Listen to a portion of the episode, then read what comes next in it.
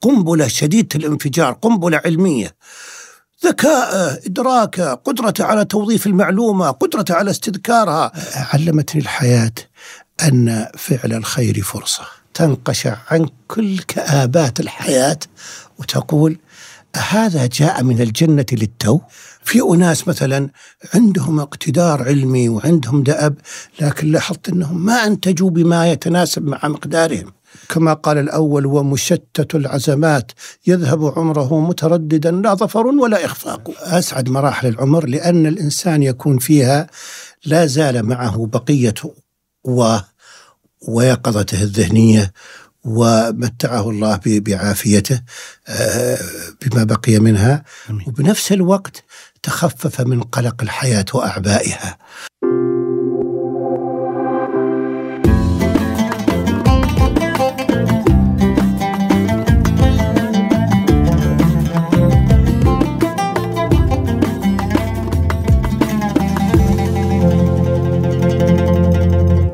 السلام عليكم ورحمة الله وبركاته. أهلا وسهلا بحضرتك. السلام مرحبا مرحبا أهلا دكتور عبد الوهاب. يعني سعدنا بهذه الجلسات الممتعة والتجوال في سماء الذاكرة. ما عرفت ومن عرفت. نحن الآن نتجول في هذه التجربة الرائعة. بدأنا مع علاقتك مع السيرة النبوية وتحدثنا عن الكتابات وكتاب الحياة الحياة النبوية ثم بعد ذلك إلى أسفارك وعلاقتك بالأدب والكتب. كانت رحلة ممتعة. نستكمل اليوم هذه الرحلة في في الذاكرة وننبش في الذكريات القديمة. وأنا أبدأ بأول سؤال. متهيئين وربطنا الأحسن إلى الإقلاع أنا داخل على طول في بمن تأثرت؟ هذا السؤال أظن الناس دائما تسأله لك. يعني تأتي إليك وتقول بمن تأثرت؟ أنا أريد الشخصيات التي تركت علامة وتجربة يعني استفدت منها أو تأثرت بها.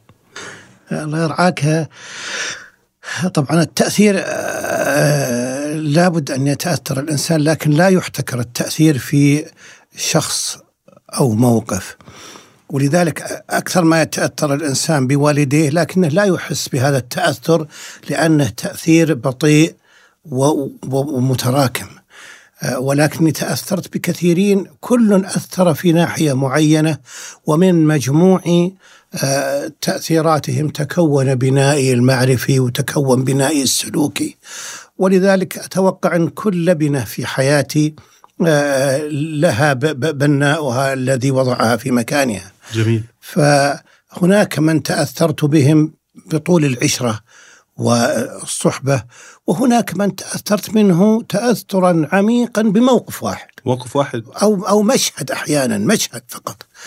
آه طبعا آه، يعني تكلمنا عن الشيخ عبد العزيز بن باز رحمه الله وتأثيره فيني مع أني مع أني لا أدعي أنني من خاصة الشيخ ولا من طلابه الملازمين لكن القدر الذي آه، حصلت فيه المشامة مع الشيخ والتواصل معه عن قرب أحيانا وعن بعد في أحايين كثيرة كان آه، مشعا ومؤثرا بعمق. آه، وهناك شخصيات أخرى تأثرت بها منهم مثلا آه، أخي وصديقي آه، الشيخ عبد العزيز الماجد رحمه الله هو كان أصغر مني سنا. يعني لم نكن لدات كنت أكبر منه سنا لا قدرا ولكنه كان مؤثر ذو عقلية متألقة ونفس رضية وصاحب نسك وتأله وصاحب تفكير عميق. وكنت أتأثر منه في تفكير طريقة تفكيره. كنا نقرأ أحيانا قراءات مشتركة. كنت إذا عزمت على أي فكرة أتناقش وإياه فيها. من خلال من خلال النقاش أحصل منه أكثر مما أحصله في الكتب. آه ولذلك استفدت منه رحمه الله. حتى بعض كتبي هي عبارة عن توسيع أفكار قالها لي. يا سلام. يعني مثلا كتاب اليوم النبوي هو من أحظى كتبي في قلبي. هو هو بدر هو الذي ألقى بدرته وأضاء شمعته. يا سلام. بكلمات قليلة قالها لي وتكونت تبلورت بها فكرة الكتاب. ممن تأثرت منه آه، آه، الشيخ حمد الجاسر رحمه الله. وأؤكد لست من خاصته لكني زرته في أوقات فكنت أستلذ لطريقة روايته لل- للقصص والحكايات. يعني هو كان رحمه الله حكاء. آه. يعني يحسن سرد الحكاية بحيث يشدك إليها. مع أنك إذا أتيت ترويها بعد ذلك عنه تروح آه، سقطت كثير من من أجنحتها. لكن الشيء اللي أثر فيني من الشيخ حمد أنني ذهبت مرة إلى زيارته ضحى وكنت مع شيخي الشيخ محمد أحمد الصالح فلما دخلنا من باب آه، بيته دارة العرب آه، أنت تمشي من الباب إلى المجلس في حديقة آه، فسيحة طول ما نحن نمشي في الحديقة وصوت آه، يعني ضجيج واحد يكاد يصرخ صراخا مم. يقرأ بصوت مرتفع. جدا إيه ف آه، في في المجلس. فلما دخلنا وإذا الشيخ طبعا كان في آخر عمره قرابة التسعين كان على كرسي يشبه السرير آه. مستلقي. وكانت يداه رحمه الله متقفعة يعني قد ضعفت حركة أصابعه. وممسك بصورة مخطوطة ومستلقي وممسك بها. وهذا اللي كنا نسمع صراخة. يراجع معه. هو السكرتير لأن سمع, سمع الشيخ ثقيل فهو يقرأ له بصوت عالي. يا الله. فكان مشهد مؤثر في وجداني يعني شيخ في هذا العمر. ومع ضعف هذه الحواس تبقى هذه الصلة القوية العميقة بالعلم لدرجة أنه الآن يقابل مخطوطة وهو في هذه الحال. وحصل لي نفس المشهد مع شيخنا الشيخ يوسف القرضاوي أحسن الله له الختام ومتع متاع الصالحين. كنا ذهبنا لزيارته في قطر على موعد. ففتح لنا ال- العامل اللي في البيت الباب وقال تفضلوا ما الشيخ قال لي. فالشيخ له مكتبة تطل على بهو البيت يعني على على المدخل بحيث إنه هو في المكتبة يرى الداخل. جميل. فدخلنا فنظرت فإذا بيقرأ الشيخ ما بينه وبينه إلا الزجاج. وإذا الشيخ أمامه الأوراق وما شعر إن إحنا داخلين ولا رفع نظره إلينا لكن. أتذكر شكله الأوراق أمامه الكتب وهو يسوي كذا. أتخيل شكله الآن مثل العالم اللي في مختبر قاعد يطالع في الميكروسكوب مثل اللي يريد أن يرى ما لا يرى بالعين المجردة. تحس كذا شروده والأوراق أمامه وهو يبحث ما بين الكتب. لدرجة إحنا وصلنا ودخلنا عنده إلى ان وقفنا على الطاولة وهو ما انتبه لنا لأنها سمعة ثقيل قليلا. آه، أول ما سلمنا ورفعنا الصوت آه، أهو أهلا أهلا أهلا أهلا بكم أهلا بكم هو منصرف في عالم آخر. يعني مستغرق فعلا. شعرت أن هذه من لحظات الاستغراق العلمي عند أهل العلم وأن حياة أهل العلم إنما هي هذا الاستغراق. ولولا هذا الاستغراق والعشق العلمي إلى حد التتيم. ما أنجزوا هذا الإنجاز ولا عاشوا مع العلم هذه المعيشة ولا وجدوا معه هذه ال- النشوة واللذة التي استعذبوا معها كل شظف الحياة الذي مروا به في سن الطلب. يعني هم مروا في سن الطلب لا الشيخ حمد الجاسر ولا الشيخ الشيخ بن باز ولا الدكتور يوسف بما يذكر بشظف العلماء السابقين. يعني أتذكر مشهد من المشاهد اللي جمعها شيخنا عبد الفتاح أبو غدة في كتابه صفحات من صبر العلماء. أحد العلماء طبعا هم يطلبون العلم بالأسفار.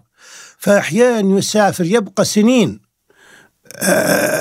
ما ما رجع إلى بلده لأنه كل ما انتهى من بلد وأخذ العلم عن شيوخه بدل ما يرجع البلد يقول لا أروح البلد الآخر. خرج من انتهى من بغداد قال طيب أروح لدمشق بدل ما أرجع لنيسابور. طيب انتهى من قال طيب أروح لمصر مصر. بدل ما أرجع لنيسابور كيف بجيها فيظل سنين تباعا. فمرة طالب يقرأ على أحد الشيوخ في دمشق. ف وأثناء ما هو في القراءة جاء شخص وجلس عنده همس في أذنه ثم قام فغبشت عينيه ما أحسن القراءة مم. ماذا ماذا قال له؟ فالشيخ انتبه أنه ارتج عليه وهو يقرأ نظر إليه واذا عينه يعني يقطر. دمعها قال مالك قال يعني دعني أكمل قال لا ما عزمت عليك لا تخبرني ماذا قال لك هذا الشخص حتى تأثرت هذا التأثر. قال قال لي إن أخي قد وصل إلى دمشق ومتوجه قادم من مكة متوجه إلى بلدي. فهو يقول الآن القافلة ستسير أدركها. قد تدركها وقد لا تدركها. هو وسط طلب العلم. و و ولم يقطع الدرس مع أنه سيلقى أخاه وسيحمله أشواقه إلى أهله ومع ذلك غلبه حب العلم.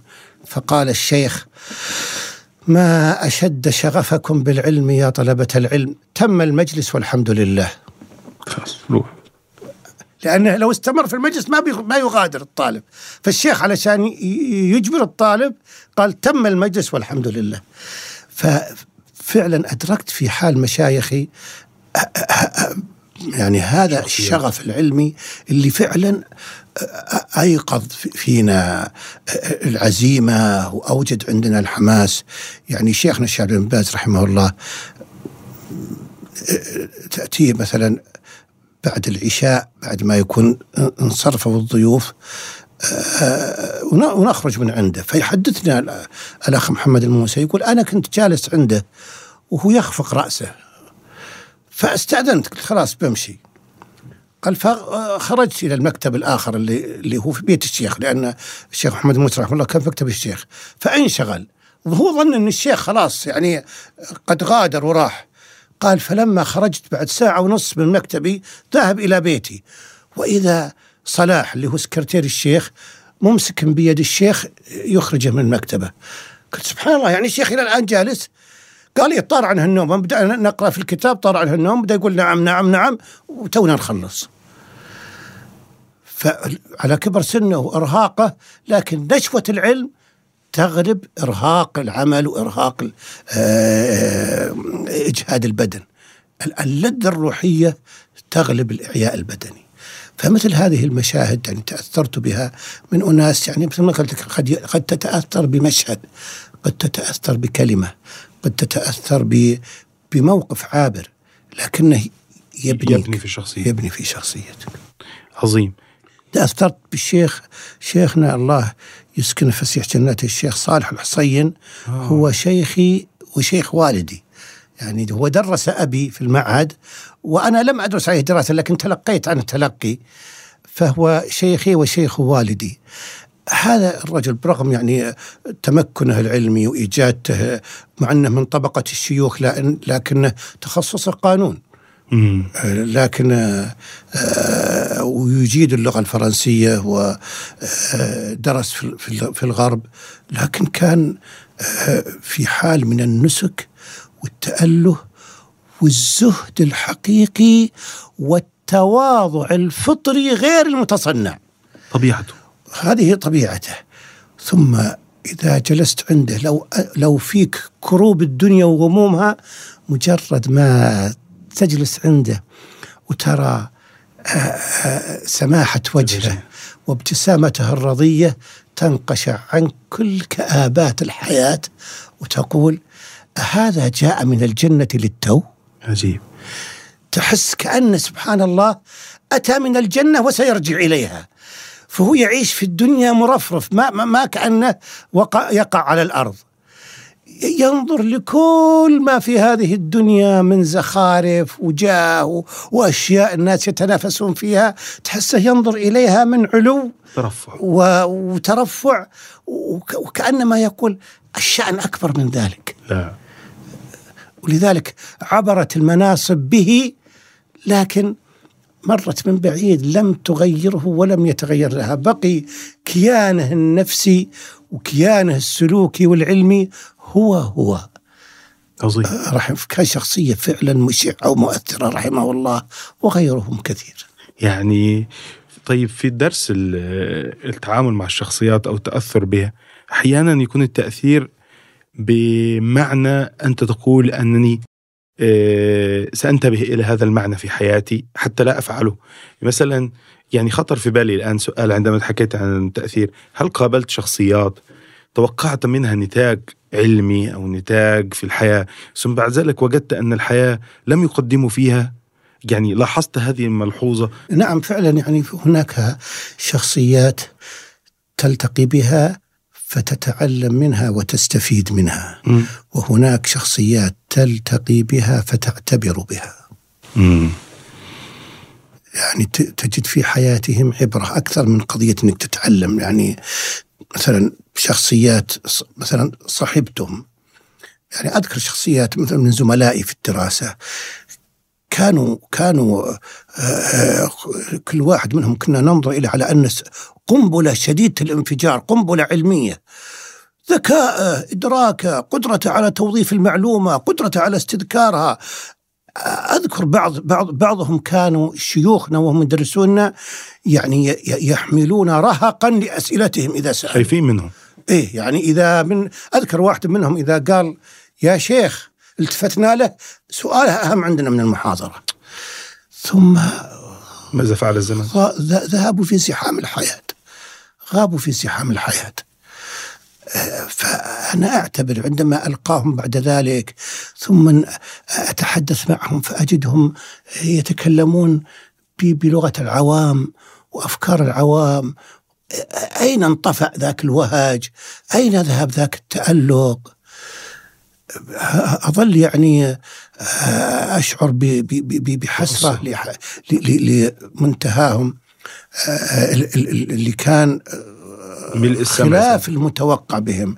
في أناس مثلا عندهم اقتدار علمي وعندهم دأب لكن لاحظت أنهم ما أنتجوا بما يتناسب مع مقدارهم والسبب أنهم تشتتوا. تشتتوا. ضرب مرة مع الفقه وضرب مرة مع الأدب ثم انتهى مع الفن ثم انتهى مع مع المتعة ثم انتهى مع كذا ثم انتهى أمره إلى كما قال الأول ومشتت العزمات يذهب عمره مترددا لا ظفر ولا إخفاق. جميل. يعني وجدنا في حصيلتهم في النهاية ركام. لا تستطيع أنك تبني عليه ولا أن, تج... أن تحسبه ذخيرة يعني يمكن أن آه، تعتبر من ذخائر العمر. فمثل هؤلاء الواحد يعني ينبغي أنه إذا لقاهم أنه يأخذ منهم عبرة. يأخذ عبرة ويتوقع ما ما ما هو اللي يعني اكتشفته من حال مثل هؤلاء هو الإخلال بموضوع الدأب. الدأب. الدأب هو لا لا لا إنجاز بدون صبر على الدأب. لا إنجاز بدون قدرة على الانضباط. من يعني اعتبر أن الحياة متعة ونزهة وعاش معها سيحصل هذه المتعة, المتعة لكن سيفوته الإنجاز. ولذلك أنا وجدت أن هؤلاء الذين كانوا يملكون قدرات يعني كانت مبشرة بمستقبل آه، مبهر انطفأوا ووجدت الشيء الآخر أن حضر في مكانهم من كانوا يقلون عنهم مواهب ولكن يفوقونهم جلدا وصبرا ودأبا. جميل. ولذلك لا أريد أن أسمي بعض شيوخي اللي لهم إنجاز ويذكرون بإجلال أقول إني كنت إذا قيمتهم معرفيا و... لا كمواهب حفظ وذكاء وكذا أشعر أنهم متوسطين. لكن كان عندهم اقتدار على تفعيل هذا القدر المتوسط بحيث يأتي بثمار عالي. جميل. والناس اللي كان عندهم قدر عالي جدا من الذكاء والإدراك لأنهم اعتمدوا عليه ولم يفعلوه انطفأوا. انطفأ. ولذلك ما أحسن الكلمة التي تقول العبقرية 10% موهبة و90% عرق. آه في جهد. في جهد. طيب أنا يعني هوصل السؤال ب... ب... بالمعنى الذي استفدته من من ذكر الشخصيات ومن هذه الحالة اللي ذكرتها حضرتك يخيل إلي أنك كنت تبحث أحيانا في الشخصيات كلها عن الجانب الذي تريد أن تتعلم منه دون أن تكون منضوي تحت كل المنظومة على تحت كل الأفكار يعني في مسار في تعلمت يعني التعليم السلفي أو ال... وفي شخصيات كان يغلب عليها الحركيه وأيضا استفدت منها وشخصيات آه، كان فيها جانب صوفي و... و... و... و... وتعبدي. في هذه المسار أنت المسارات كنت تأخذ من كل هذه الشخصيات وأنت تشعر أن أن جزي أنت جزيرة؟ يعني تستطيع أن تجذب إليك التجارب دون أن تتورط في كل منظومة بكل أفكارها. أنا فهمت صح من من من هذه التجارب الشخصيات لأن شخصيات منوعة. منهم الذي غلب عليه أحيانا الحركية أو رأي سياسي ومنهم اللي انشغل بالمسائل العلمية. وأنت تأخذ وتتفاعل مع تفاعل يخصك أو تبني شيء يشبهك. صدقت. يعني هذا من توفيق الله عز وجل بالدرجة الأولى يعني آه، آه، آه، أن هذا توفيق من الله عز وجل أنه منحني هذه السكينة النفسية بحيث أني لا أتورط في تصنيف الناس وفرزهم حسب آه، ميولي أنا أو ما أريده منهم. وإنما كنت أعتبر كل شخص من من من, من العظماء اللي التقينا بهم وجمعنا بهم طريق الحياة. آه، أعتقد أرى كل واحد منهم كأنما هو جنة وبستان علي أن ألتقط منها اينع ثمارها. ولذلك ما انشغلت في طوال يعني مسير حياتي بتصنيف الناس ووضعهم في قوائم وهذا يصلح أتواصل معه وهذا أهجره في الله وهذا أبتعد عنه وهذا ما دام هو لا يريد أن يلبسني ثوبه فأنا أذهب إليه وأستفيد منه. ولذلك كنا نذهب إلى شيخنا الشيخ بكر أبو زيد رحمه الله وهو رحمه الله اللي يمكن أن يوصف بأنه يعني السلفي الجلد الذي يعني يحمل هذا الرأي بغاية المحافظة. وفي الوقت اللي كنت أذهب إليه كنت أذهب إلى شيخنا الشيخ عبد الفتاح أبو غدة رحمه الله وهو يعني في حالة خصومة شديدة معه مع الشيخ. مع, مع الشيخ بكر والشيخ بكر يعني كتب كتابات ضد حنيفة والله يغفر لهما جميعا. آه، فأذهب إلى الشيخ عبد عبد الفتاح خد رحمه الله وألثم يده وأجلس عنده مستفيدا وما شعرت يوما برغم قربه مني وقربي منه وأنه كان متحفظ معي في شيء. يعني ما ما شعرت أنه يصر على أمر عظيم يريد ألا أعرفه لا. أعطى كان يعني منفتح معي وأنا متقبلا له كما هو لا كما أريد. وما آتي أنا إلى شيخ في في سن الستين والسبعين وأريد أصحح معلوماته أو أصحح شخصيته وإنما أتيت لأستضيء به. ولذلك لا هو كان متحفظ مني ولا أنا أيضا كنت أريد آه، أن أن أن, أن أنمطه على ما أريد. لا هو هكذا.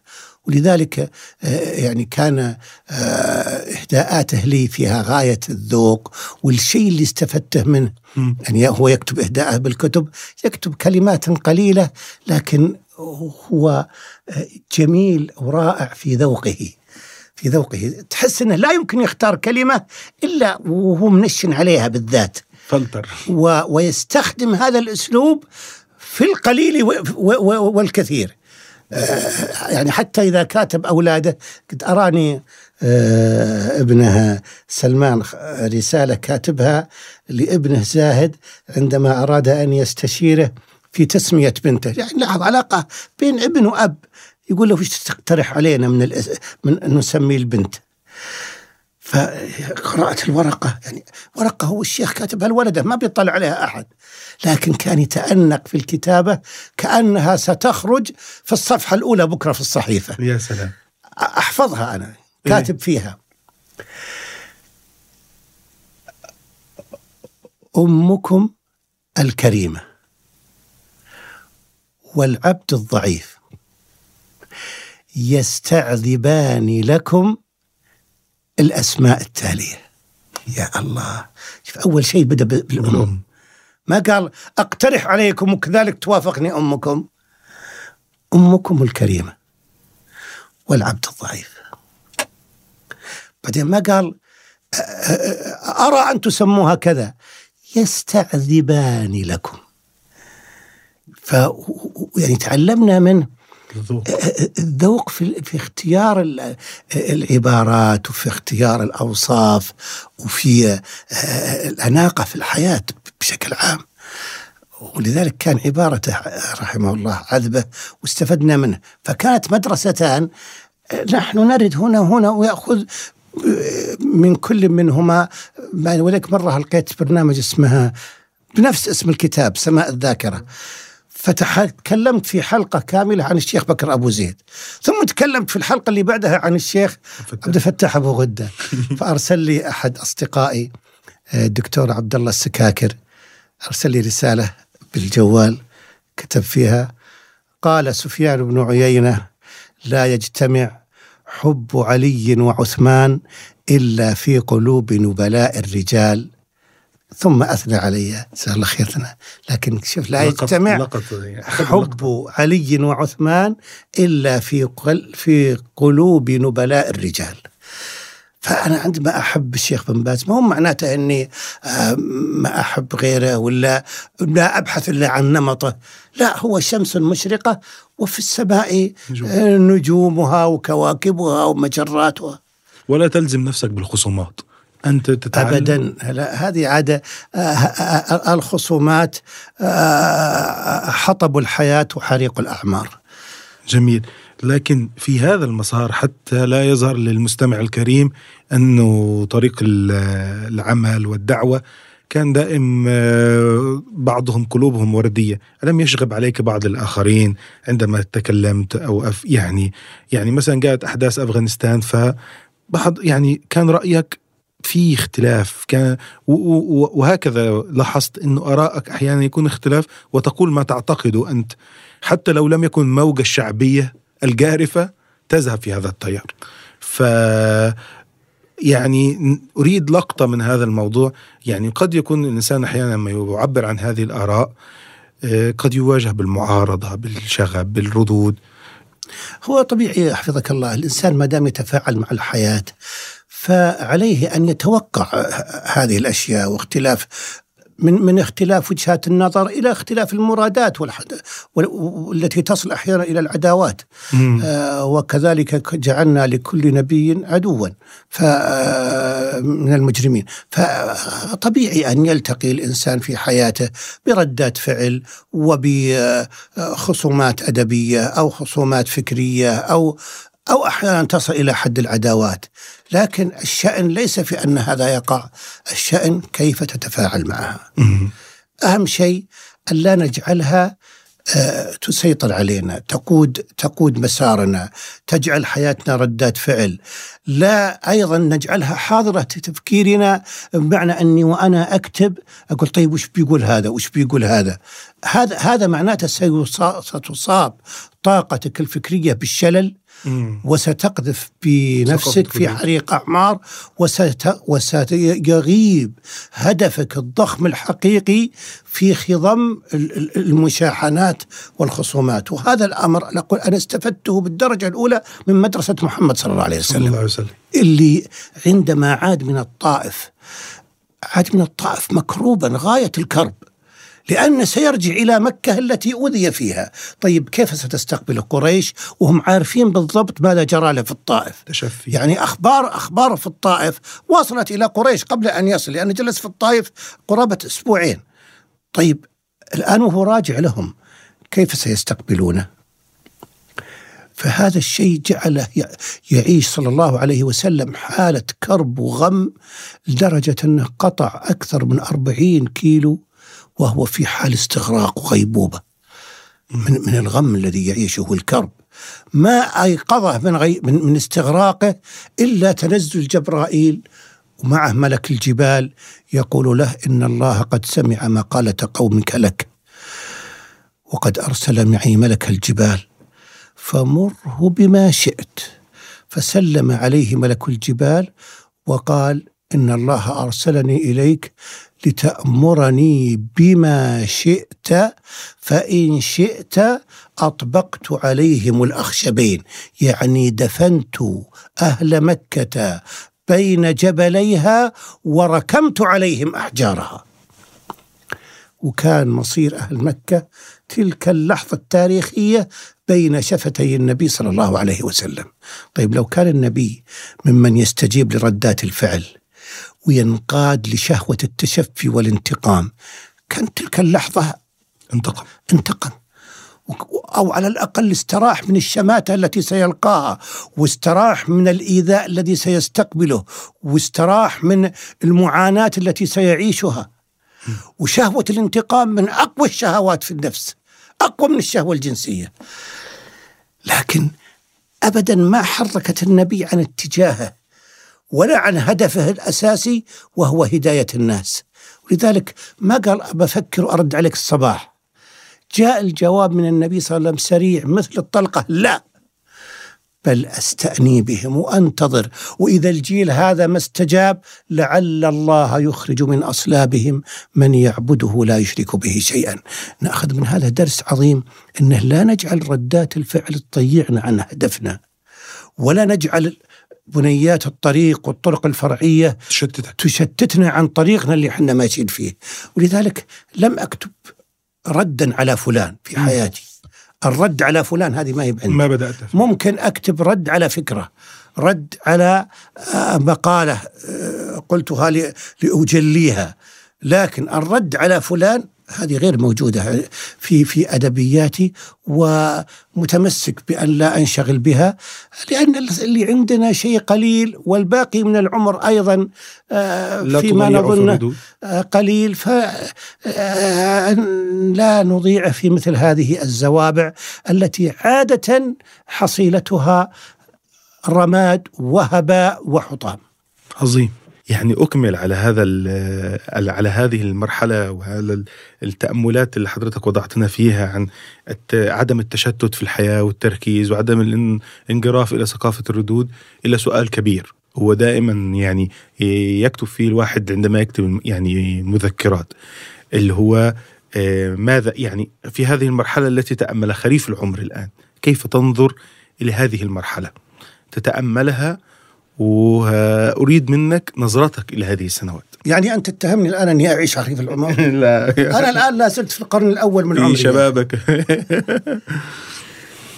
آه، الحقيقة يعني المرحلة العمرية اللي نعيش فيها آه، أنا في تأملي لها أنها أسعد مراحل العمر. جميل.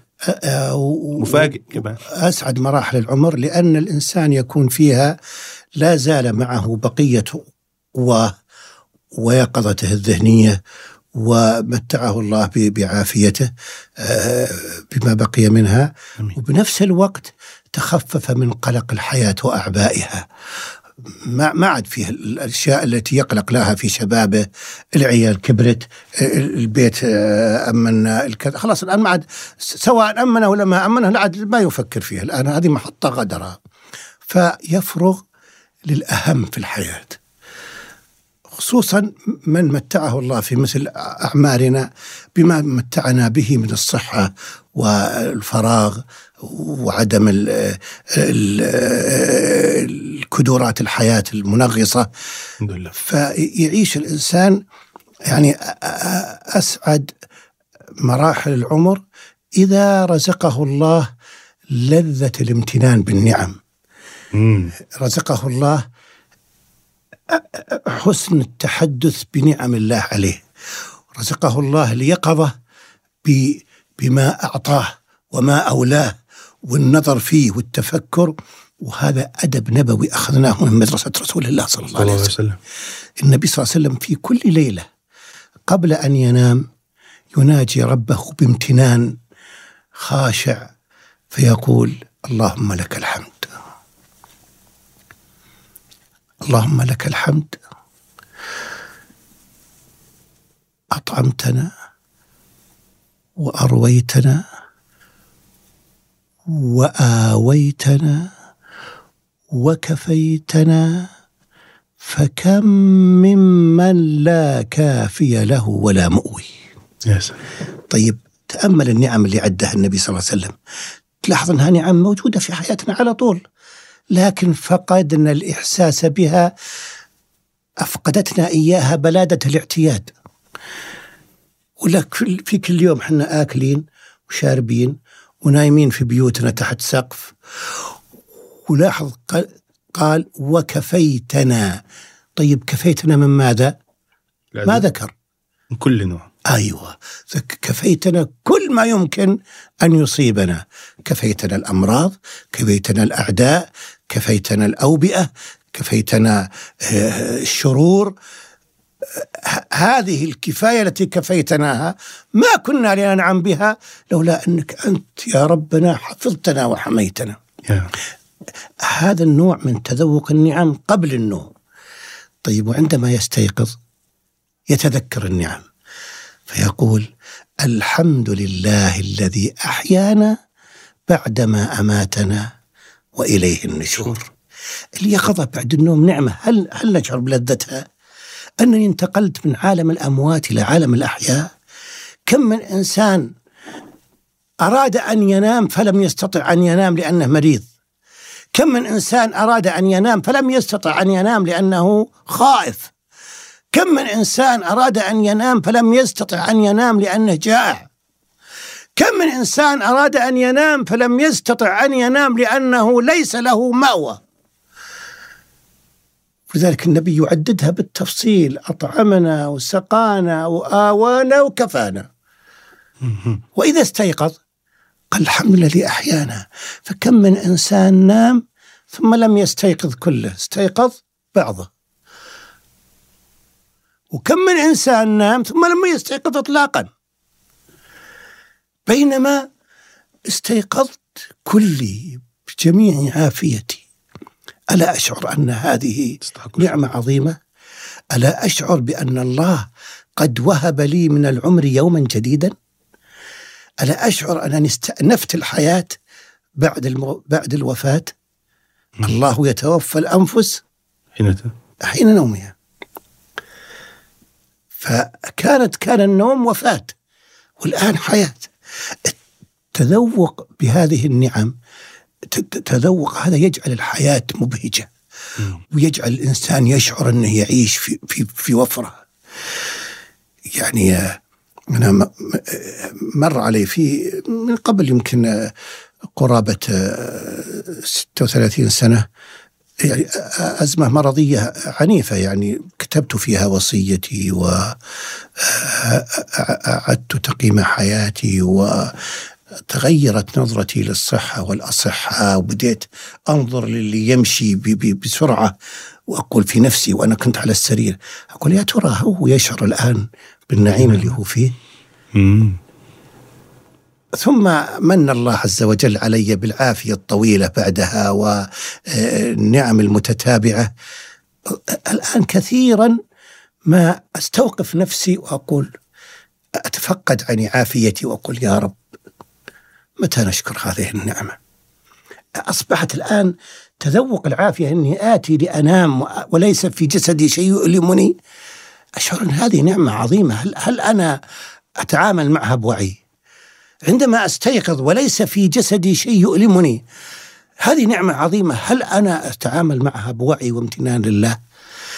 آه ولذلك الله عز وجل عندما خاطب نبيه في أول البعثة في أول بعثته علمه هذا الدرس. فقال وأما بنعمة ربك فحدث. في سورة الضحى وهي من أول ما نزل بعد سورة إقرأ. وأما بنعمة ربك فحدث. طيب حدث مين؟ الناس. ما ذكر له حدث من؟ لا قال حدث أصحابك ما قال حدث زوجته ما قال حدث أبنائك. ما ما ذكر من حدث. وقفت الآية عند فحدث ولم تذكر المتحدث إليه. ذكرت المتحدث عنه وهو نعمة ربك. والمتحدث والمتحدث وهو المخاطب النبي صلى الله عليه وسلم. طيب من المتحدث إليه؟ فراغ واسع. أول من يشمله من تتحدث إليه بذلك ربك الذي أنعم فتتحدث إليه بنعمه امتنانا له ومن تتحدث إليه بالنعمة بعد أن تتحدث بها إلى ربك امتنانا أن تتحدث بها مع نفسك تذوقا. فأول من تتحدث به عن نعم الله عليك من الخلق هو أنت. فيكون عندك دائما حديث مع النفس بالنعم وهذا يملأ النفس بالرضا. لذلك من أجمل الأبيات التي قالها الشاعر آه، مصطفى حمام رحمه الله له أبيات جميلة اسمها علمتني الحياة. كلها كلام عن الرضا. أقول اذا هذا رجل كان يعيش حياته في نعيم بغض النظر عن كم راتبه ووين ساكن وكيف كان عايش لكن واضح إنه عاش في نعيم نعيم الرضا. علمتني الحياة أن أتلقى كل ألوانها رضا وقبولا. أنا راض بكل ما كتب الله ومزج إليه حمدا جزيلا. فسح الله. في فؤادي فلا أرضى من الحب والوداد بديلا ورأيت الرضا يخفف أثقالي ويلقي على المآسي سدولا. يا سلام. يعني نفسية فيها متألقة. تعيش نعيم الرضا.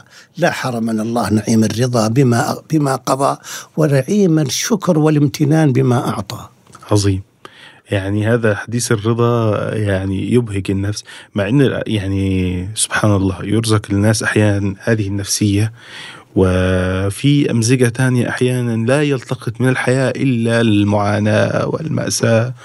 وهذه ابدا في أناس سبحان الله آه، يصابون بالعمى عن كل نعم يتمتعون بها ويسجنون نفسهم في زنزانة واحيانا ما يكتفون بذلك حتى يقيدوا آه، أيديهم وأرجلهم بالأغلال والقيود ويعيشون في عذاب التحسر.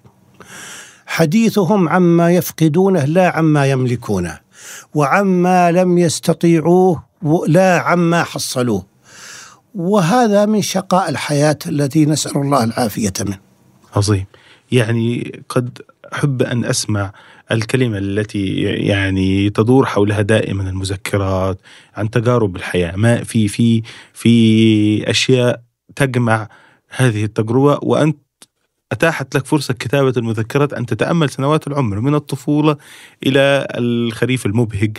متعك الله بالصحة. ف يعني وقفت على بعض الأشياء التي تفاعلت مع الحياة وتأملتها.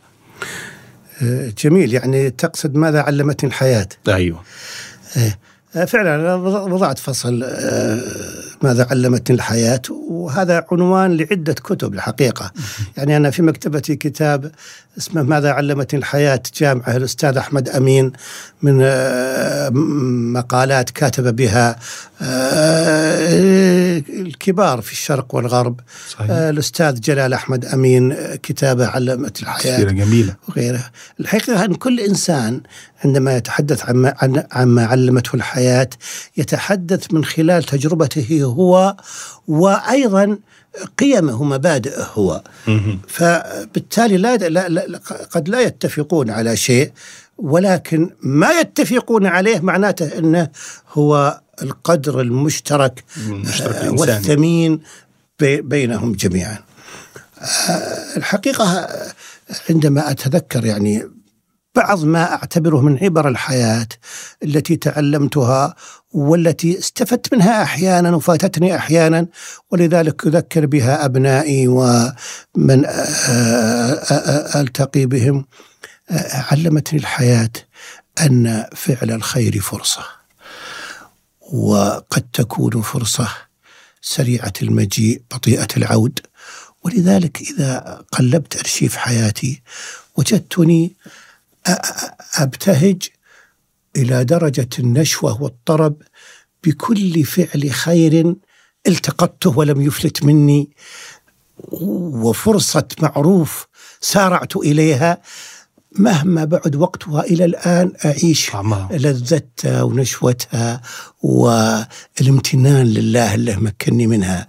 بنفس الوقت أعيش ألم التحسر وفجيعة الخسارة بكل فرصة معروف مرت من عندي وربما طرقت بابي ومع ذلك تباطأت حتى فاتت وأردت أن أدركها بعدين وإذا به تلوح من بعيد وقالت قد استأثر بي من يستحقني.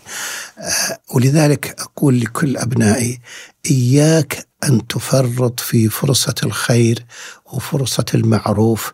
إذا سنحت لك فإن صنائع المعروف وأفعال الخيرات لا يدركها إلا المسارعون.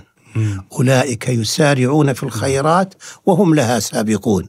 أما المتباطئ وبطيء التفكير واللي كثر الحسابات فعادة تمرق من عنده وهو لسه يفكر فيها يأخذها ولا لا. ولذلك ف صناعة المعروف فرص. وإذا واتت صناعة المعروف فاحذر أن تفلت منك. ومما حدثني به جدي عن أحد شيوخ العرب اللي هو الشيخ محسن الفرم أمير حرب وشيخ قبيلة حرب. فيه موقف ما أريد أنه يطول آه، ذكر القصة فيه لكن في النهاية قال الشيخ محسن الفرم قال الجدي وكان جدي في وقتها صبي بس كان موجود عندهم لأنه كاتب كان يكتب له. يكتب له. قال له يا ولدي ترى المعروف. مثل الذاهبة الذاهبة اللي هي اللقطة. آه. اللقطة الشيء اللي الناس تقول. المعروف يا ولدي تراه مثل الذاهبة اللي يدورونها واجد واللي يلقاها واحد. فحفظها جدي منه فعلا إن فعل المعروف مثل اللقطة. واجد اللي يدورونها لكن اللي يظفر بها واحد. اللي عنده يعني بصيرة في العثور عليها ثم التقاطها فورا. عظيم. فهذا المعنى مهم جدا انه يصطحبه الإنسان في في بداية مشواره العمري حتى إذا تقدم به العمر وإذا في حصالته وفي حقيبته الكثير من صنائع المعروف التي يلقى الله بها. لا يفكر إلا بهذا. آه. لا يفكر إلا بأنه يلقى الله بها. لا يفكر فيما يقول الناس أو ما أو في ثناء الناس أو في شكرهم. هذا آه، عرض زائل زائف. إنما بماذا ألقى الله من صنائع المعروف؟ فهذا الحقيقة يعني هو الذي أريد أن أختصر به ماذا علمتني الحياة. ولا أنا ذكرت قرابة يعني سبعين آه ثلاثين آه درس يعني من دروس الحياة و... لكن هذا المعنى أنا أحب أني أفصل فيه وأذكر به لأنه من أثمن ما يتعلمه الإنسان في حياته عندما يتقدم به العمر ويأرشف المواقف التي مرت به. كل موقف بادر فيه للمعروف وفعل الخير سيذكره بتلذذ ونشوة وامتنان لله أنه يسره له. وكل فرصة خير سنحت فلم يسبق إليها سيذكرها بأسى وبفجيعة خسارة. جميل. شكرا لحضرتك على هذه الجولة الممتعة. فتحت لنا قلبك وذهبنا معك في جولة حول مراحل عمرية وتجارب مختلفة وشخصيات عظيمة مختلفة ومنوعة. يعني أعطتنا جو من من من الجو العلمي التدريس الجامعي والأعلام الذين قابلتهم. شكرا على هذه الفرصة الطيبة والنقاش معك ممتع. شاكر لكم على احتمال هذا. الحديث الطويل آه، ولكن الإنسان إذا تقدمت به السن يصبح آه، شهوة الكلام عنده مرتفعة فأنتم احتملتموها واستوعبتموها. شكر الله لك وشكر الله للإخوة والأخوات المشاهدين والمستمعين وسلام ربي ورحماته وبركاته عليكم أجمعون. عليكم السلام شكرا جزيلا.